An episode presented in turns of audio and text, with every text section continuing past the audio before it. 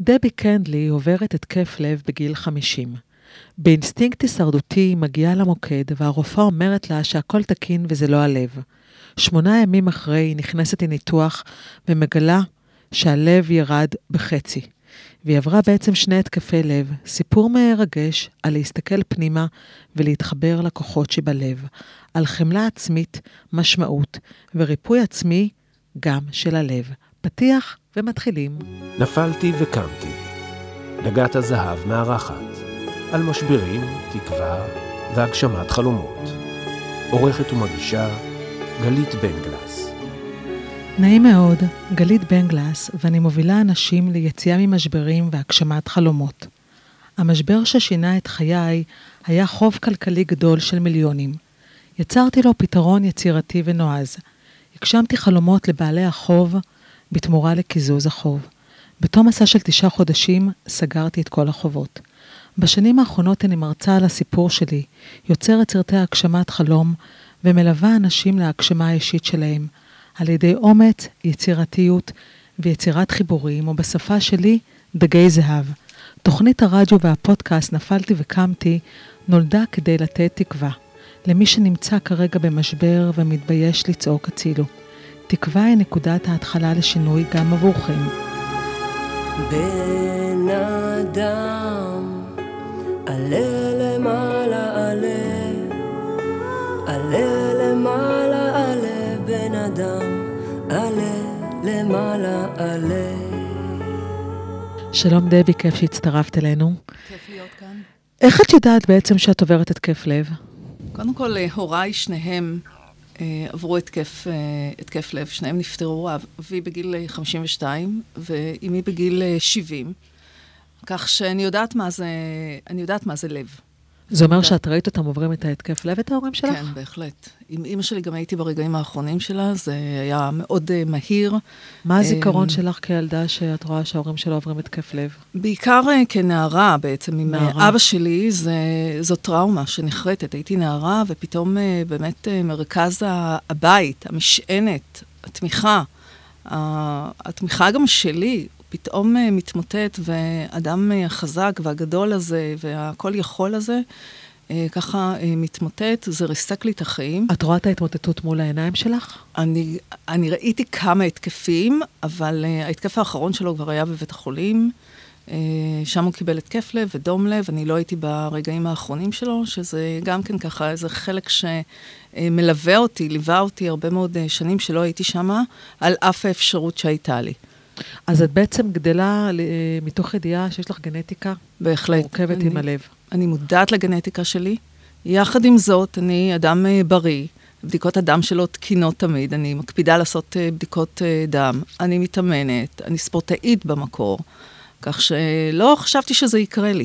מה את מרגישה ברגע ש... מה מרגישים ברגע שמקבלים התקף לב? איך את מבינה שאת בעצם במהלך התקף לב? זה כאב ותופת, הנשימה, הגרון פשוט אה, ככה, מרגישה שאני נחנקת, הגרון מתכווץ, ממש קנה הנשימה פשוט נלחץ, אין לי אוויר, וכאבי תופת בכל צד שמאל שלי של הגוף, כתף, שכמה, זרוע.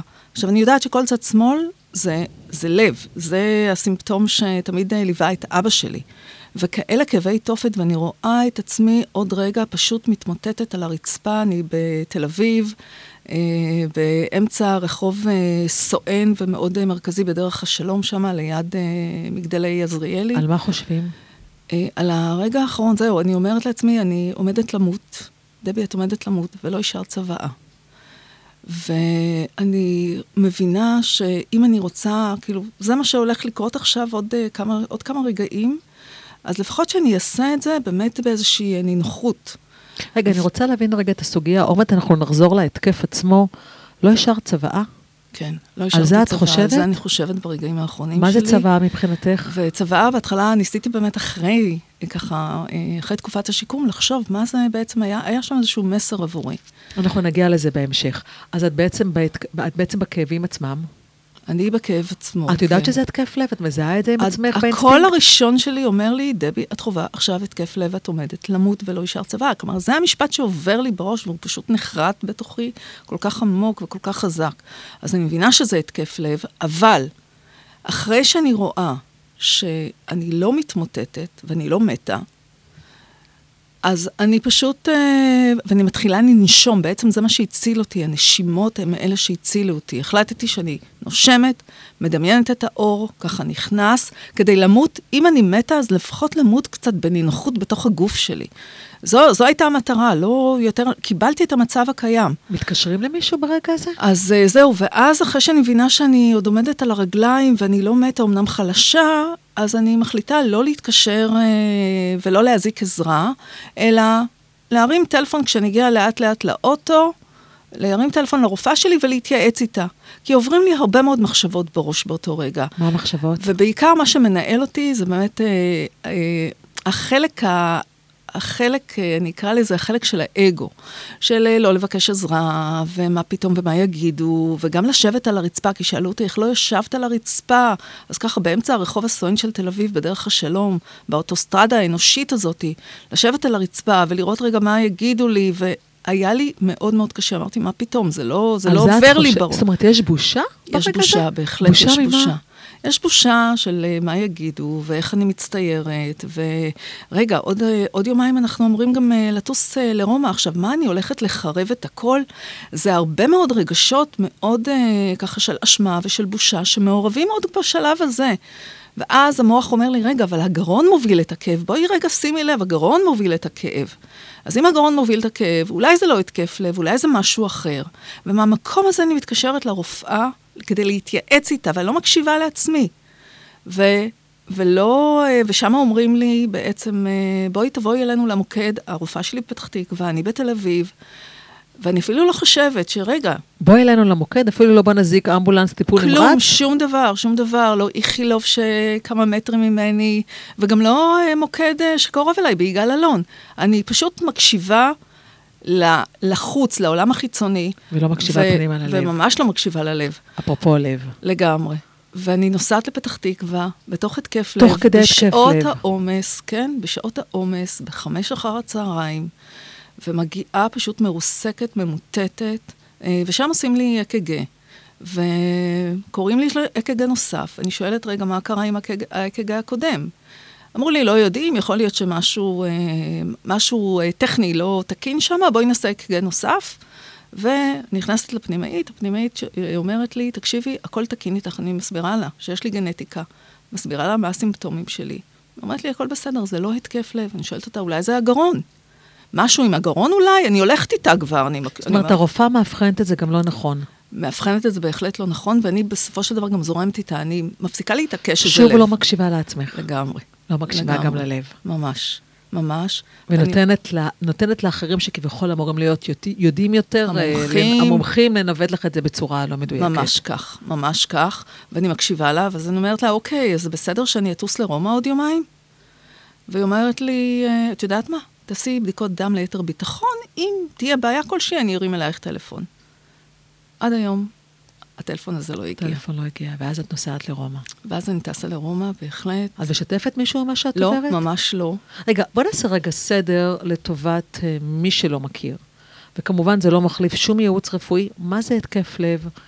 אה, ומה הסיבות שאפשר אה, בעצם לגלות שאתה בהתקף לב, ככה ברמה הרפואית, ושוב, זה לא מחליף ייעוץ רפואי. לגמרי. אז באמת, כל מה שאני אומרת כאן היום לא מחליף אה, שום ייעוץ רפואי, אבל ב... אצלי, בדרך כלל, מה שאומרים ומה שאני מכירה, זה באמת התקף לב נובע או מלחצים, עומסים מאוד מאוד גבוהים. הדבר הנוסף זה באמת פרמטרים רפואיים. סוכר גבוה, שיכול להשפיע על לחץ דם גבוה, אה, כולסטרול, אלה הסימפטומים. לא היה לי אף אחד מהם. אוקיי? אני במשקל תקין, וכמובן גנטיקה. אז uh, יש את העניין של הגנטיקה, אני לא מאמינה בגנטיקה. ו- ומה מרגישים מבחינה רפואית בזמן התקף לב, שמישהו גם ידע לזהות את זה לצורך העניין, או מישהי מרגישים, במקרה שלנו? מרגישים כאב מאוד חזק, וכאב שהוא לא מוכר. אה, ולכן, כאשר יש איזשהו כאב שהוא לא מוכר, אצל נשים זה יותר מורכב, אצל גברים בדרך כלל זה באמת בצד שמאל. אצל נשים זה לא חייב להיות בצד שמאל, זה יכול להיות בגרון, בלסתות, זה יכול להיות בבטן, זה יכול להיות בגב. אז קשה אצל נשים לזהות שזה באמת התקף לב. זה לפעמים גם מופיע כתסמיני חרדה. זה אומר שאת מגיעה עם כל הסימנים של התקף לב, ובגלל שאת אישה אומרים, אוקיי, יש לה בדיוק. פה תסמיני חרדה, מה שלא היה קורה עם גבר במקרה הזה. שזה הפרדוקס, בדיוק. היו לי את כל התסמינים שיש אה, להתקף. לב ומפספסים עדיין, בגלל שאני אישה, בגלל שאני בת אה, 50, בגלל שאני עדיין מקבלת אה, מחזור, וכל ה... אה, בעצם אה, כל המערכת ההורמונלית שלי תקינה, בדיקות הדם שלי לא מראים, אה, כלומר, לאורך זמן, היא בודקת אחורה את בדיקות הדם שלי, התוצאות שלי הן תקינות, היא רואה אותי, יש עוד מושג שאני רוצה רגע פה להביא לשידור, שזה סימפטום האישה הצרפתייה, ככה נודע לי על זה אחר כך. כשאת מגיעה לרופאה ואת אישה, ואת נראית בסדר, ואת uh, מתוקתקת, ואת מדברת בסדר, אז uh, את, לא, את לא בהתקף לב, גם לא בחרדה, אוקיי? יש uh, שני מצבים, או סימפטום האישה הצרפתייה, או שנשים הן uh, חרדתיות, ואז החרדה, והרבה פעמים מבלבלים ביניהם, ונשים בגילאים האלה כן חוטפות התקף לב, ופשוט מתות, הן לא מספיקות להגיע לבית זה החולים. אומר שאם את מתוקתקת מדי, אה, לא, לא יראו שאת בעצם עוברת התקף לב, לגמרי. ואם את לא מתוקתקת ואת בחרדה, אז את אה, אישה בחרדה. את אישה בחרדה, לגמרי, לגמרי. וגם כשאני מגיעה לבית החולים, וגם כבר בודקים אותי ומבינים שזה התקף לב, עדיין אומרים לי, תקשיבי, אולי זה יכול להיות שזה גם חרדה. אבל אנחנו והגילוי נעשה- המוקדם הוא כל כך קריטי וחשוב, כמו גם בפרקים שעשיתי על, אה, על אה, אירוע מוחי. לגמרי. המשמעות, מתי אתה לגמרי. מגלה את זה כדי לבוא ומוח, ולהציל. ו- בהחלט. וזה חוזר כחוט שני, גם ברמת הידע והמסר, להקשיב לעצמנו. ממש. אף אחד לא יודע יותר טוב מאיתנו. לגמרי, את לגמרי. אה, נוסעת אז לבלות ברומא, ומה קורה ברומא? וברומא, אה, ברומא באמת אה, בהתחלה מאוד מאוד קשה לי, ורק אחרי ככה יום-יומיים אני מתחילה לשתף את רועי, בן זוגי. ורועי שרואה ואת עדיין שומרת על control מול רועי, בן זוגך, שאתם הרבה מאוד שנים ביחד, כן, כאילו, כדי, או- כדי לא להבהיל אותו. כדי לא להבהיל. לגמרי. לא משתפת אף אחד, לא, כאילו לא מראה חולשה. לא. הסאלית של פעם, שהשתחררה. מהצבא, עדיין שומרת על, ה, על ה- הפאסון, על ועל הפאסון הצבאי. החוזק, לגמרי, לגמרי, לגמרי, לגמרי. והדבר הזה של לא להקשיב לרגשות, ולא להקשיב לעצמי וללב, ולהיות uh, בתוך הרגע, ולהיות בתוך הכאב, אלא פשוט להדחיק. מה את מבינה ברומא מאוד- בעצם? ברומא, קודם כל ברומא, אני כבר מתחילה בעצמי ככה לשנות, אה, להדחיק את הקול הפנימי הזה שאומר לי, זה לב, זה לב, אני מקשיבה, ואני אומרת, זה לא לב. לא יכול להיות שאני הולכת ככה. הליכות כל כך ארוכות, וגם רועי, כשאני כבר משתפת אותו, אומר לי, זה לא לב, אני יודע מה זה לב. זה לא לב, כי אימא שלו חוותה כל מיני אירועים, הוא יודע. אז אני אומרת, רגע, גם הוא יודע מה זה לב. ואני עוד אומרת לו, אולי אני בכל זאת אכנס לבית מרקחת, אני אקח אספירין, אשים אותו מתחת ללשון, אני יודעת שזה עוזר. הוא אומר לי, תקשיבי, זה לא לב. והיו עוד כל מיני אירועים שאני מתחילה להבין שזה לא לב, אני מתחילה גם להתרגל לכאב. אמר, אני נושאת אותו, ונושאת אותו כמו uh, גיבורה. ומתרגלת אליו בשקט. בהחלט. ואז, ביום השמיני, אני אומרת לרועי, רועי, תקשיב, יש כבר את התוצאות של אה, בדיקות הדם שעשיתי בקופת החולים. אני נכנסת ככה ל... לבדוק אה, אותם. לבדוק אותם, ואני מגלה שיש שם איזושהי תוצאה חריגה. ואני לא מבינה מה זה הדבר הזה שחריג. אני נכנסת לגוגל, לדוקטור גוגל, ובעצם גוגל מראה לי שזה אה, סוג של אנזים שמופרש בעת אירוע לבבי. ושם שנינו מבינים שבאמת עברתי אירוע לבבי, עברתי התקף לב, אה, ושם רועי נבהל ואני ממש אה, בקול. רועי גם נבהל כי הוא אה, שלל את האפשרות שזה התקף לב? אני חושבת שכן. כאילו, ו- כאילו דיברתם על המקום הזה דרך אגב, לא. שהוא היה כל כך בטוח? לא, עדיין לא, לא למה? דיברנו על זה, לא, לא פתחנו את זה לשיח, אה, הרבה דברים שם לא פתחנו לשיח, אני חושבת ש... גם אחרי? אה, חלק מהדברים כן, כי אחד הדברים שאני אמרתי לו, אה, שאני חשבתי שאם אני, אם באמת למות, כאילו, אם נגזר עליי למות, וכבר הגעתי ל... אז אני, אני אהנה, אני לא אמות בבית החולים, כמו שההורים שלי אה, נפטרו שם. איך הוא מגיב אלא לזה? אני אמות אה, ברומא. ואז הוא אמר לי באמת משהו שלא כל כך חשבתי עליו. הוא אמר לי, תקשיבי, ואיך אני, מה, לא חשבת עליי? שאני אמור לחזור, אה, הייתי אמור לחזור אולי עם ארון מתים, ועל המשפחה שלך? באמת לא חשבתי עליהם. חשבתי, חשבתי שאם אלה הרגעים האחרונים שלי, אז יאללה, שאני אמצה אותם עד תום. אז מה קורה בבית החולים? בבית החולים, קודם כל מופתעים אה, לראות אה, אישה בת גילי. הם מבינים שם שבעצם אה, אכן עברתי התקף לב, אבל עדיין יש איזשהו משהו שם שקצת ככה, גם אצלם אני מגלה, אני גם רואה על הפנים, שמסרב להאמין. כי גם תוצאות בדיקות הדם שלי, הם בסך הכל בסדר. מסרב להאמין למה? כי את אישה? כי אני אישה. אני אישה צעירה. יש לך דרך אגב סטטיסטיקות כמה נשים מקבלות התקף לב? אין לי... אה, שוב, זה לא מחליף שוב נתון מדויק, אבל כן, בערך אבל, ממה אבל שחקרת ואת כן, יודעת. אני כן יודעת שלא מעט נשים פשוט uh, מתפספסות, לא מגיעות לבית החולים, קראתי על זה לא מעט uh, מאמרים. זאת אומרת, הן מתות שיש, לפני. הן מתות לפני. הן לא מספיקות אפילו. לגמרי. זאת אומרת, האבחון לא, מצ... כאילו לא מספיק עוד להיות אפילו בדיוק, כזה. בדיוק, בדיוק. או שהן מוותרות לעצמן, והן חושבות שזה לא התקף לב, כי זה לא מקובל לחשוב, uh, גם בעולם הרפואי, כלומר, אנחנו יודעים שנשים לא מקבלות. יש דרך אגב לקיחת אחריות של אותה רופאה שמפספסת את זה? יש איזשהו משהו בלקיחת לא, אחריות ברמת הרפואה? לא, שום דבר, אני עד היום מחכה ל... מחכה, לא כלום, גם מבחינתך, במקום של וואו, אם היא הייתה מפספסת את זה, אז זה משמעותי, כי בעצם את מגיעה כרגע לניתוח, ומה מגלים בניתוח שהלב שלך? בניתוח מגלים, אה, אומרים, אומר לי הרופא, צר לי, זה, זה לא התקף חרדה, זה, זה אכן הלב. והעורק הראשי שלי היה סתום ב-100%. מאחר ובמשך שמונה ימים, אותם שמונה ימים שהייתי ברומא, לא הגיע חמצן uh, ללב, אז uh, יש נזק לכל החיים. אה, ותפקוד הלב שלי עומד על 30 אחוז. מה המשמעות של, אה, מה המשמעות של 30 אחוז? 30 אחוז זה כבר, אה, אם קורה עוד פעם איזשהו משהו קטן, אז זה או מוות או החלפת לב במקרה הטוב. ואני פשוט... שהחלפת לב זה תרומת איברים. זה תרומת איברים. ואני מניחה שזה גם כן, המתנה כן. ארוכה מאוד. כן, לגמרי, לגמרי. זה אומר שהחיים נמצאים בסכנה. ממש. במספר הזה, 30 אחוז. ממש, ממש. ממש כך. והם אומרים לי, תקשיבי, זה, הלב עוד יכול טיפה להשתקם, אבל אולי, אולי, אולי ממש ממש במעט, והסיכוי, הסיכוי הוא מאוד מאוד uh, קלוש. מה הדבר הראשון שאת חושבת עליו uh, כשאת uh, יוצאת מהניתוח, ואת יודעת שיש לך 30 אחוז לב? קודם כל, אני יוצאת עם, עם תחושת אשמה מאוד גדולה. אשמה על מה? על עצמי, שלא הקשבתי לעצמי. שלא הקשבתי ללב, שלא הייתי מחוברת בכלל לגוף שלי. אמ, תמיד חשבתי שאני אחזיר לבורא את הגוף שלי במצב אה, שלם. כלומר, אני אתרום איברים לפני המוות, מה שתקין וזה, אבל אני באמת, כאילו, האחריות שלי לדאוג להגיע לזה, זה עבר לי בראש לא מעט פעמים. כשאני שלמה ובריאה. זו מתנה ענקית שקיבלתי, וככה אני רוצה להחזיר אותה. יש כעס אה, כלפי מי שפספס ו... את זה, הרופאה, הבן כעס... זוג שלך אפילו שהתפספס לך ברומא? יש כעס בעיקר, בעיקר, בעיקר כלפי עצמי. ממש לא כלפי העולם, הכעס שלי מופנה פנימה. זאת אומרת, לקיחת אחריות כסאלית אה, עדיין. כן. עדיין, עדיין הקצינה לוקחת אחריות על עצמה, לגמרי, ורק היא. לגמרי, לגמרי. אחריות מלאה של 100% אחריות, באמת, והמקום הזה שלא הקשבתי לעצמי, שאני מנותקת מהגוף שלי, שאני מנותקת מהלב שלי, שאני דואגת רק לחיצון, אבל אני לא באמת מחוברת פנימה אמיתי.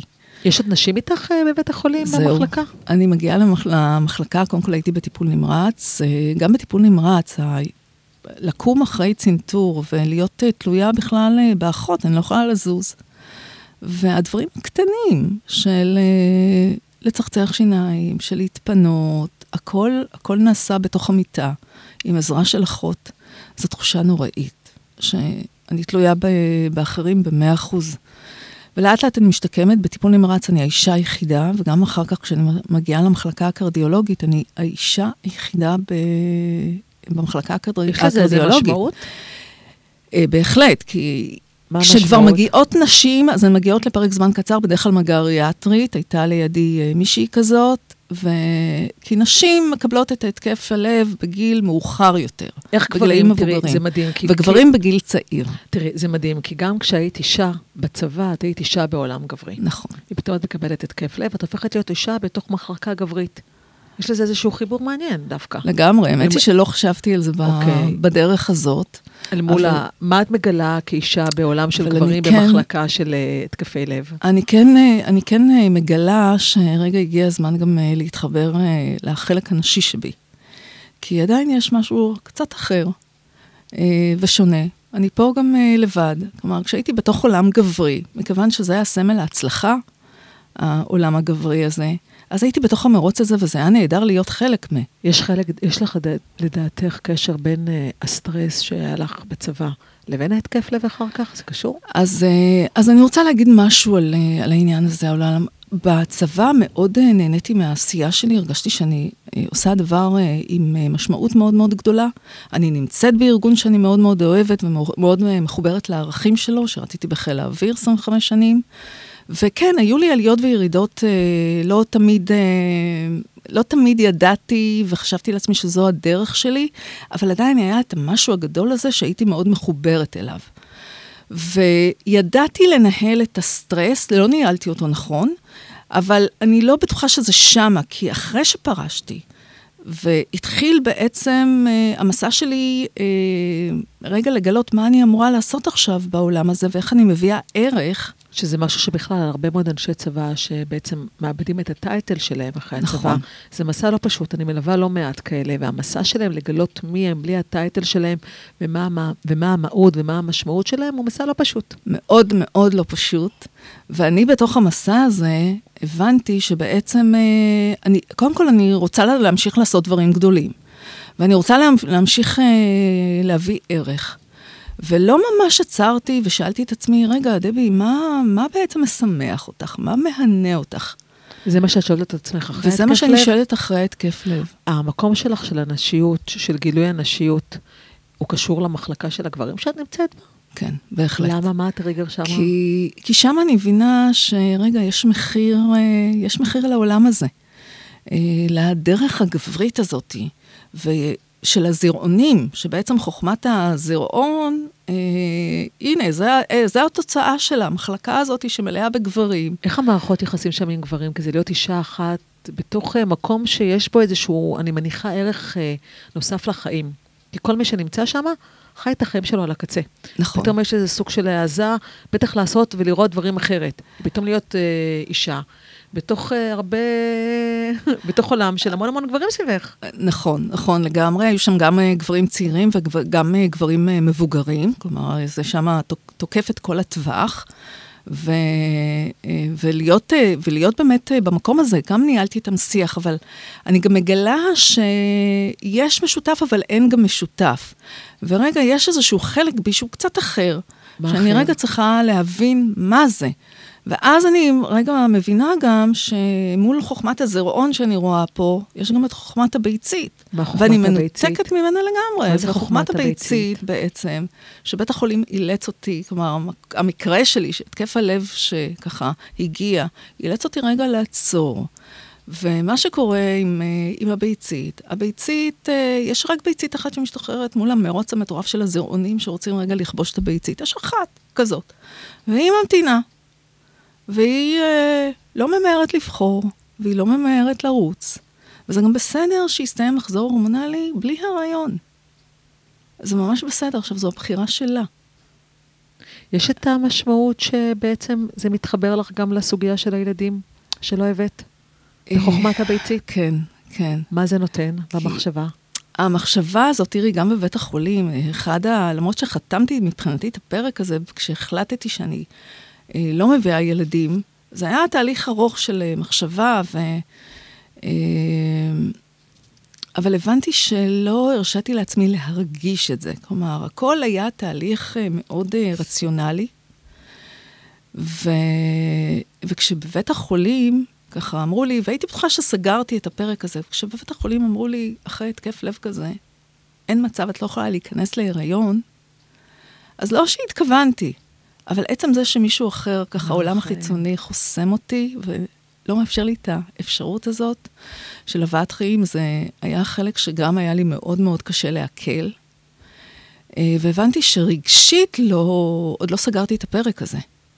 אה, בסדר, אין כבר דרך חזרה. כלומר, אה, יש בדרכים אחרות, אבל הן לא רלוונטיות. אני ככה, זה אולי לפודקאסט נפרד, כי יש לזה גם, אני בתוך זוגיות שהיא שהיא קצת יותר מורכבת בהיבט הזה. אבל בעצם התקף הלב פותח לך את הלב במקום, מהמקום הרגשי. ממש. אני מגדירה את זה שהצלקת הזאת, שאני סוחבת את זה איתה, כי החלק שבעצם 50% כמעט מהלב שלי עם צלקת.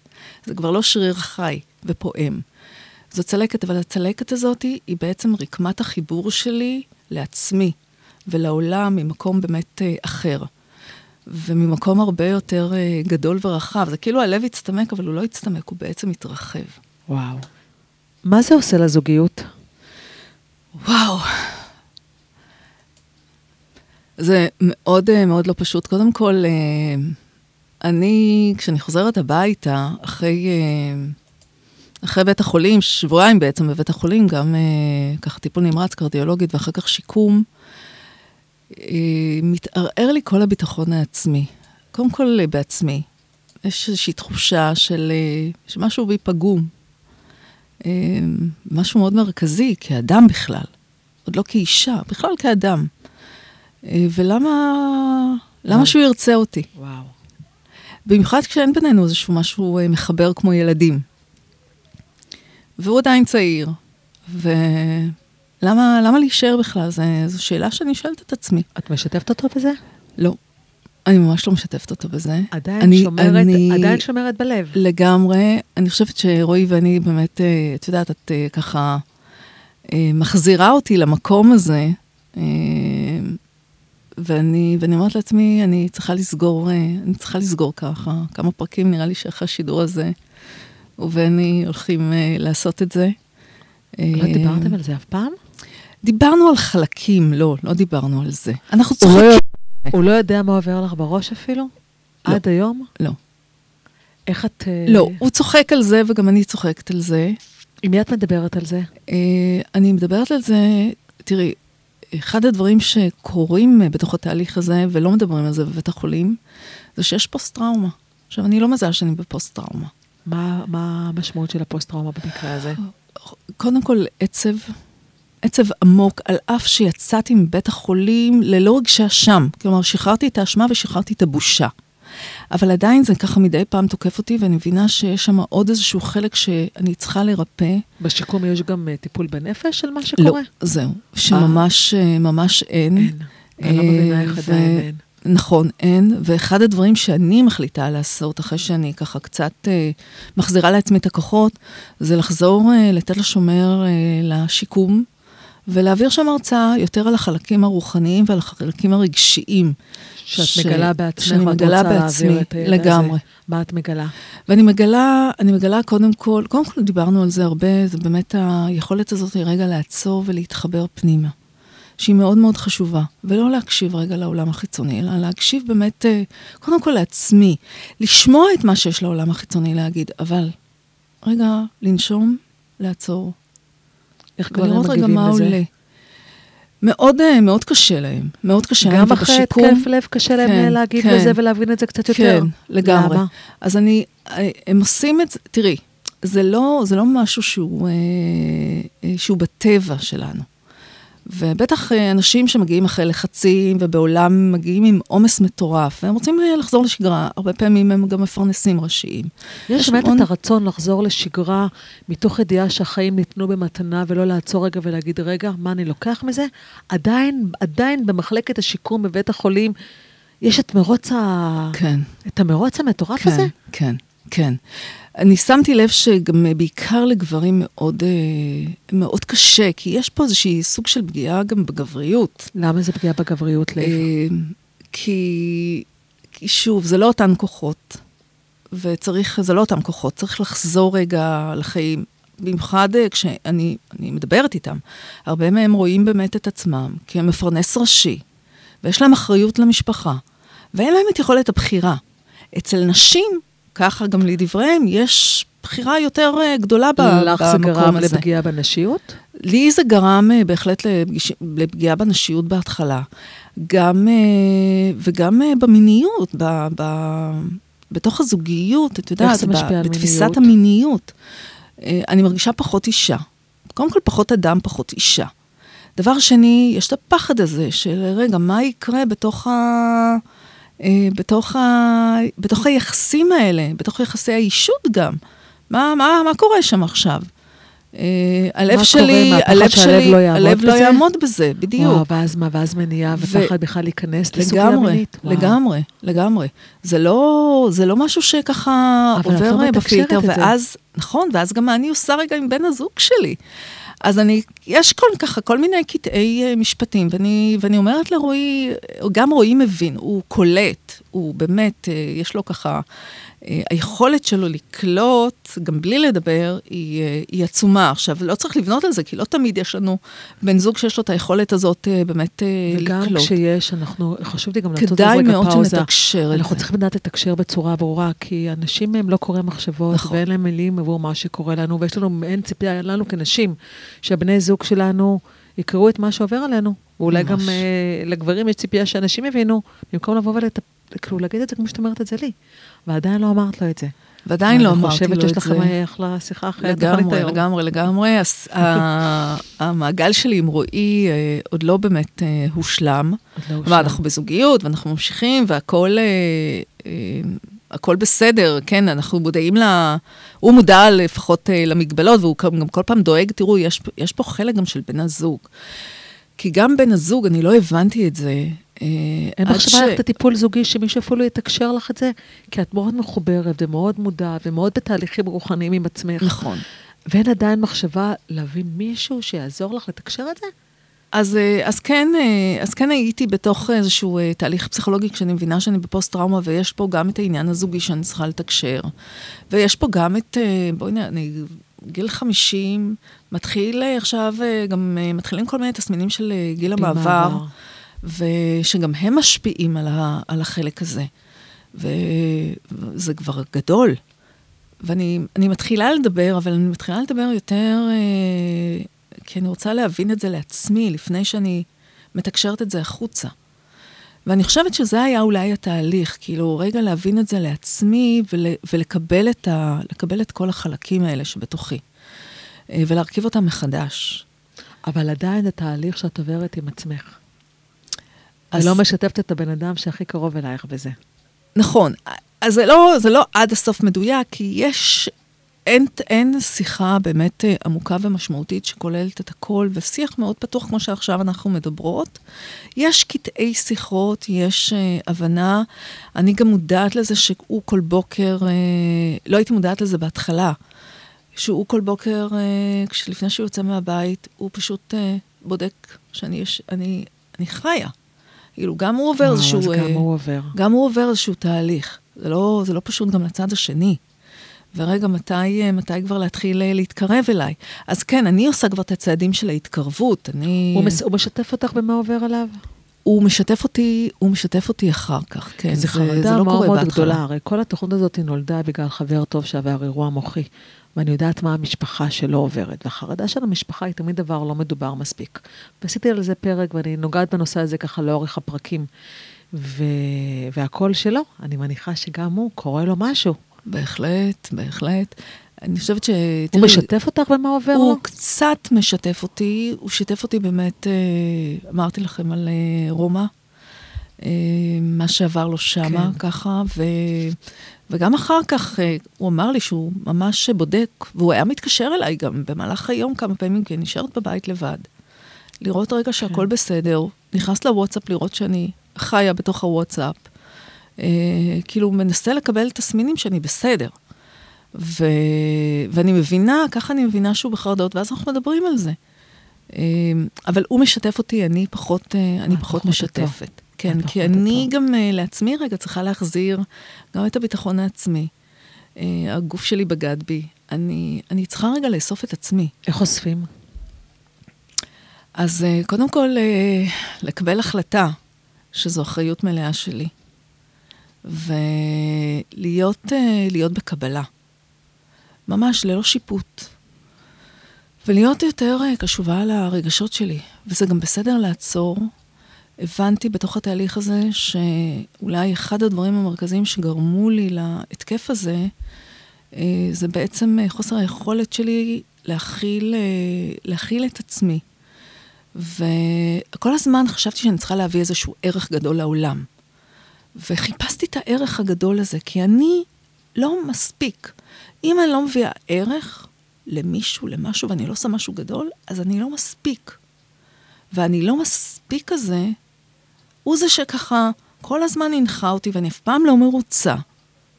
כי זה איזשהו מרוץ אינסופי. ואני, בסופו של דבר, תמיד בשורה התחתונה, אני עדיין לא מספיק. אני, אני כמו שאני לא מספיק. ואם בטח שלא עשיתי איזשהו משהו משמעותי וגדול, אז זה ממש ממש לא מספיק. והמחשבות האלה יוצרות הפלק הרגשי הזה על העורקים, זה בעצם מה ש... כי הרי הגוף מגיב אחרון. זה נוצר קודם כל ברמה האנרגטית, ונוצר אחר כך ברמה הרגשית, ורק בסוף הגוף, הגוף מבין את זה. ו... ולדעת שזה בסדר לעצור, וזה בסדר גם לא לעשות שום דבר. ולהיות uh, רק uh, אני לעצמי. להיות רק דבי. דבי, איך זה משנה את החיים? קודם כל, uh, החיים נעצרים. אבל הם, הם בעצם, את יודעת מה, זה לא, זה, זה, לא, זה לא עצירה במובן הזה שזהו, סטופ. אלא, אלא עצירה כדי uh, באמת uh, לאסוף את הכל ולהרכיב מחדש ולנוע קדימה ממקום קצת uh, אחר. זה היטיב עם חיי חיי? בהחלט, בהחלט. Uh, קודם כל, uh, החיים שלי הרבה יותר uh, שמחים, הרבה יותר מאושרים, הרבה יותר, אני מצליחה ליהנות מדברים קטנים. תמיד חיפשתי את הדבר הגדול, ובכלל לא התייחסתי לדברים הקטנים האלה, שאני מקבלת אותם כמובנים מאליהם. וזה ממש ממש לא מובן מאליו. זה מזכיר לי את המשפט האהוב עליי מהנסיך הקטן, אין לראות את הדברים האלה בלב בלבד, לגמרי. כי הדברים החשובים באמת סמויים מן העין. ממש, ממש, זה, כן, זה אחד הכל, המשפטים... כי כולנו תמיד מחפשים את הגדול, גדול, גדול, ובסיכומו של דבר, הרגעים של השמחה מגיעים בדברים הקטנים. לגמרי, זה אחד המשפטים שבעצם אה, הייתי ככה מסיימת איתם את השיח שלי עם אה, משוקמי לב, ו... וזה כל כך, כל כך אה, נכון. וככה מתחבר לזה גם עוד איזשהו אה, משפט של, אה, אה, של שלמה המלך, תמיד או נותנים את החצי הראשון שלו, וזה במה מותר האדם מן הבהמה. במה? עין. עין. אז באמת להיות אני. כי הבהמה לא שואלת את עצמה עכשיו, רגע, ומה מה את רוצה להיות היום? ומה את רוצה לתת ערך. המקום הזה של הלהיות ללהיות אני. אני. ו... ולהיות אני זה המון. בכלל, כולנו רוצים ממש. להיות אנחנו, רק אנחנו בהכל, במערכת היחסים שלנו עם עצמנו, עם הבני זוג שלנו, עם הבנות זוג שלנו, עם הילדים שלנו. לגמרי. והצוואה הזאת, זה, זה באמת אה, להיות אני, כי כל התנועה שלי בחיים לא הייתה בכלל אה, מהמקום הזה של אה, להיות אני. יש לך צבא אלא... היום, דרך אגב? כי זה הדבר הראשון שהטריד אותך כשקיבלת את ההתקף לב, שאין צבא. נכון, יש לי את, ה, יש לי את העקרונות שלה. מה העקרונות? בהחלט. יש לי גם את העקרונות, הדברים הפיזיים, אבל יש לי אולי המוטו שלה. המוטו שלה זה באמת להיות גל ולא חומר. וזה מת, ככה מתחבר גם ל, ל, ללב שלי, כי הייתה שם תקיעות. בעצם כריש דם שהגיע, סתם את העורק הראשי, לא הייתה שם זרימה. ולהיות uh, באמת כל הזמן uh, בזרימה, לא להיאבק עם החיים. והחיים הם גל או חומר. כשאנחנו גל, אז יש לנו את כל השדה הפוטנציאלי האפשרי. ואנחנו יכולים לנוע איתו ולהיות בזרימה ולממש את כל מה שאנחנו באמת uh, רוצים. החל מהדבר הקטן ועד הדבר הגדול. וברגע שאנחנו uh, נתקעים ואנחנו הופכים משהו לחומר, אז קודם כל כדאי שזה יהיה משהו באמת שהוא חשוב לנו, משמח אותנו, מהנה אותנו, משמעותי לנו, שנרגיש בו טוב. זה הדבר הכי חשוב. ואז נקבע אותו, אבל הרבה פעמים בתוך החיים, בתוך הרוטינה של החיים, אנחנו מקבעים דווקא את מה שאנחנו לא רוצים. אפשר להימנע מהתקף לב? אפשר. איך? אפשר. אם עכשיו שומעות אותנו נשים וגם גברים. אז, אה, אז קודם כל, באמת כלי קטן ופשוט זה לנשום. דקה של נשימה, רגע לעצור, כשאני מרגישה ככה קצת עומס, כשאני מרגיש קצת לחץ, אז לעצור. דקה של נשימה, ממש, ולהתחבר פנימה, לעצום רגע עיניים, לשים יד על הלב, ופשוט לנשום, ולהיות בתוך הרגע הזה. זה עושה פלאים, פלאים. זו ה...